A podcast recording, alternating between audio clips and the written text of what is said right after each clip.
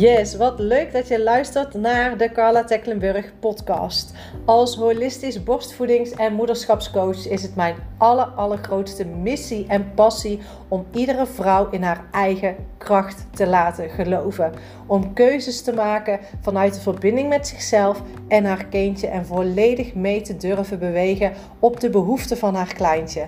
En daarin dus heel vaak keuzes maakt die anders zijn dan de hele wereld om ons heen. Het is soms al lastig genoeg in alle informatie die we om ons heen vinden, alle meningen van anderen, de bemoeienissen van anderen, om dicht bij jezelf te blijven. Wat heb jij nodig? Wat heeft jouw kindje nodig? En wat mag jij vanuit jouw intuïtie, vanuit jouw instincten in verbinding met jouw kindje doen om een zo'n fijn mogelijke borstvoedingsreis samen te hebben? En vooral dicht in jouw kracht te blijven als moeder ook ver na jouw borstvoedingsperiode. Ik hoop dat deze podcast je inspireert, motiveert om het vooral lekker op jouw manier vanuit jouw voorwaarden te blijven doen.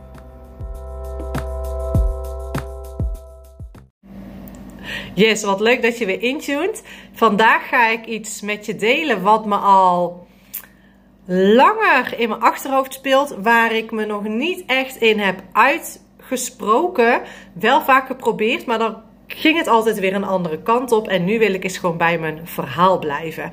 En dat is namelijk wat er bij mij gebeurt op het moment dat ik een babytje zie die de fles krijgt dan wordt er bij mij zoveel aangezet. En zou ik het liefst, als ik die moeder op straat tegenkom, het hemd van het lijf willen vragen. En ook gewoon op, op, op wat ik op internet tegenkom, dan wil ik daar gewoon alles over weten. Want wat is de reden dat die baby geen borstvoeding krijgt?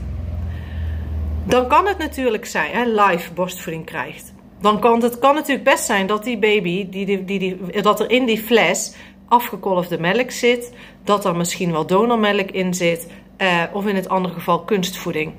En in dat laatste geval ben ik heel erg benieuwd als een babytje kunstvoeding krijgt, waarom dat dan is. Is dat omdat uh, de moeder vooraf al besloten heeft dat ze geen borstvoeding wil geven? Maar waarom is dat dan? Want is dat omdat ze het nooit overwogen heeft omdat er helemaal geen voorbeelden zijn in haar, omge in, in haar omgeving? Is dat omdat ze voorgaande ervaring heeft gehad waarbij het totaal mis is gelopen? Misschien is ze wel begonnen, maar liep het niet zoals ze wilde en is er dan mee gestopt. En datzelfde verhaal is eigenlijk voor gekolfde melk. He, geef je gekolfde melk omdat jou uh, het live niet lukte en kolven wel gaat en geef je daardoor een flesje? Of is het omdat jij misschien in het openbaar heel ongemakkelijk wordt van, um, van, van, van, je, van je borst tevoorschijn halen. En misschien is het donormelk omdat het je vanuit alle kanten, of je misschien nog je productie aan het opkrikken bent of aan het opbouwen bent. Um, en het je gewoon op een andere manier niet lukte. Al met al gaat het er naar mijn idee heel erg om. Want in alle gevallen is het dus ergens niet gelukt om op dat moment live borstvoeding te geven. Ik geloof dat er super fijn dat er al die alternatieven zijn, kolven, kunstvoeding, donormelk, maar dat het nog steeds het aller allerbeste is om je kindje live bij jou te tij en non-tij aan jouw borst te voeden. Wat is er gebeurd waardoor dat niet is gelukt? Want dat is niet gelukt op dat moment als jij jouw kindje voedt. Ik geloof en dan maak ik best wel een statement in dat echt 9 van de 10 vrouwen niet in die situatie hadden gezeten als zij de juiste begeleiding en of de juiste voorbereiding gehad zouden hebben. Want vaak is het onwetendheid, totaal niet voorbereid zijn op de mega impact die het heeft om moeder te worden, te herstellen van een bevalling, een productie op te bouwen, een kindje wat 24/7 aan je hangt, van alles van je vraagt. Het kan enorm zwaar op je rusten. En heel vaak zijn we er niet, heel veel moeders niet tegen opgewassen om met die druk en die verantwoordelijkheid om te gaan. Ga je vastzitten in je hoofd, stop je ermee. Of voordat je stopt, heeft al die spanning zo'n enorme impact op jouw lichaam, waardoor jij uh, borstontsteking ontwikkelt, tepelkloven en wat ik ook al eerder in een andere aflevering heb gezegd. Ik geloof dat dat echt niet allemaal alleen maar ligt aan tongriempjes of aanlegtechnieken Of juist echt het vertrouwen in jezelf. Heb jij vooraf al bedacht dat je het niet zou kunnen? Dat er allemaal mensen zijn waarbij het ook niet is gelukt? Is het de vorige keer in je eh, borstvoedingstijd ook super ruk gegaan? En heb je zoiets, ik ga nu mezelf beschermen en ervoor kiezen om niet eens te beginnen? Je hebt al dat, al dat recht, maar ik vind wel, als je het mij vraagt, dat jij jezelf en je kindje tekort doet door het niet aan te gaan en die stukken niet aan te kijken. Want de echte kracht en de echte groei zit juist in dat aangaan en doorgaan. En fair enough, als er een moeder naar mij toe komt en die zegt: Ja, maar Carla, ik heb lactatiekundige gehad. Ik heb met coaches gewerkt. Ik heb uh, bewust met, ben ik met mijn bevalling omgegaan of met eventueel een bevaltrauma geheeld. Want vergeet niet dat hoe de bevalling verloopt en hoe jij je in de periode van je zwangerschap hebt gevoeld enorm van invloed zijn op jouw natuurlijke instincten, op jouw intuïtie en in, vooral dat jouw moederbrein, hoe jij aan kunt voelen wat jij en jouw kindje nodig hebben wanneer daar continu error op de lijn komt. Wil je daar wat meer over weten, stuur me ook gerust een berichtje. Maar ik geloof dus dat als jij al die facetten, al die aspecten aan hebt gekeken en het lukt dan nog niet, dat je dan eigenlijk pas echt recht van spreken hebt om te zeggen: Het lukte me niet. Of ik had geen melk. Want dat wordt ook zo vaak gezegd: Ja, maar ik had geen melk. Ja, wanneer?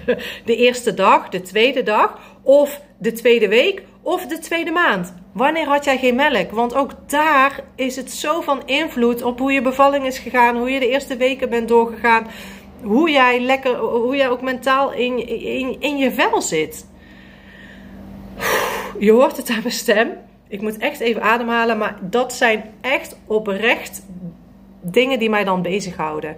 En ik probeer daar vooral echt in niet te veroordelen of al te vroeg te oordelen. Maar ik merk wel iedere keer dat als ik een babytje zie die de fles krijgt, 90% is echt ook programmering en het idee van ja, maar anders kan mijn partner geen band opbouwen. Ja, maar ik heb af en toe ook eventjes mijn rust nodig. Oh, daar zijn echt zoveel manieren voor, zoveel andere oplossingen dan maar te stoppen met borstvoeding.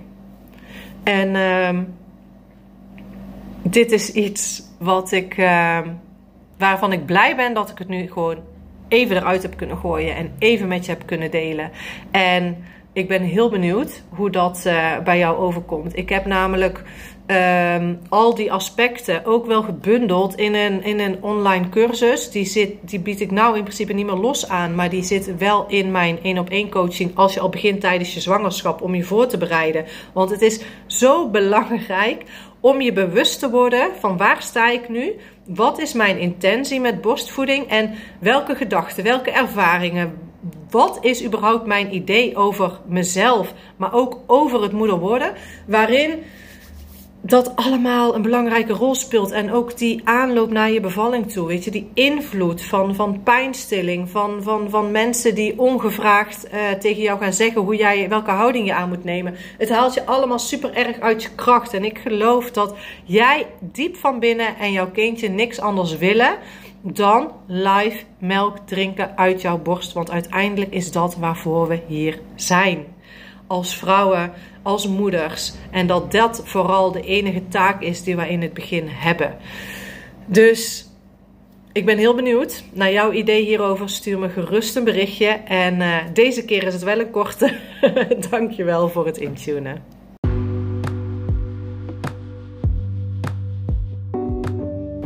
Dankjewel voor het luisteren naar deze aflevering. Is er iets in je aangezet, iets wat je graag met me wilt delen? Jouw visie, jouw struggle? Laat het me gerust weten. Stuur me een berichtje op Instagram en ik ga heel graag met je in gesprek. En als jij mij nu heel graag ook een plezier zou willen doen en heel eventjes de tijd zou willen nemen om deze podcast een review achter te laten of eventjes een aantal sterretjes aan te klikken, dan kunnen ook andere moeders zich ook geïnspireerd voelen om vanuit hun kracht moeder te zijn. Dankjewel en ik wens je een super fijne dag.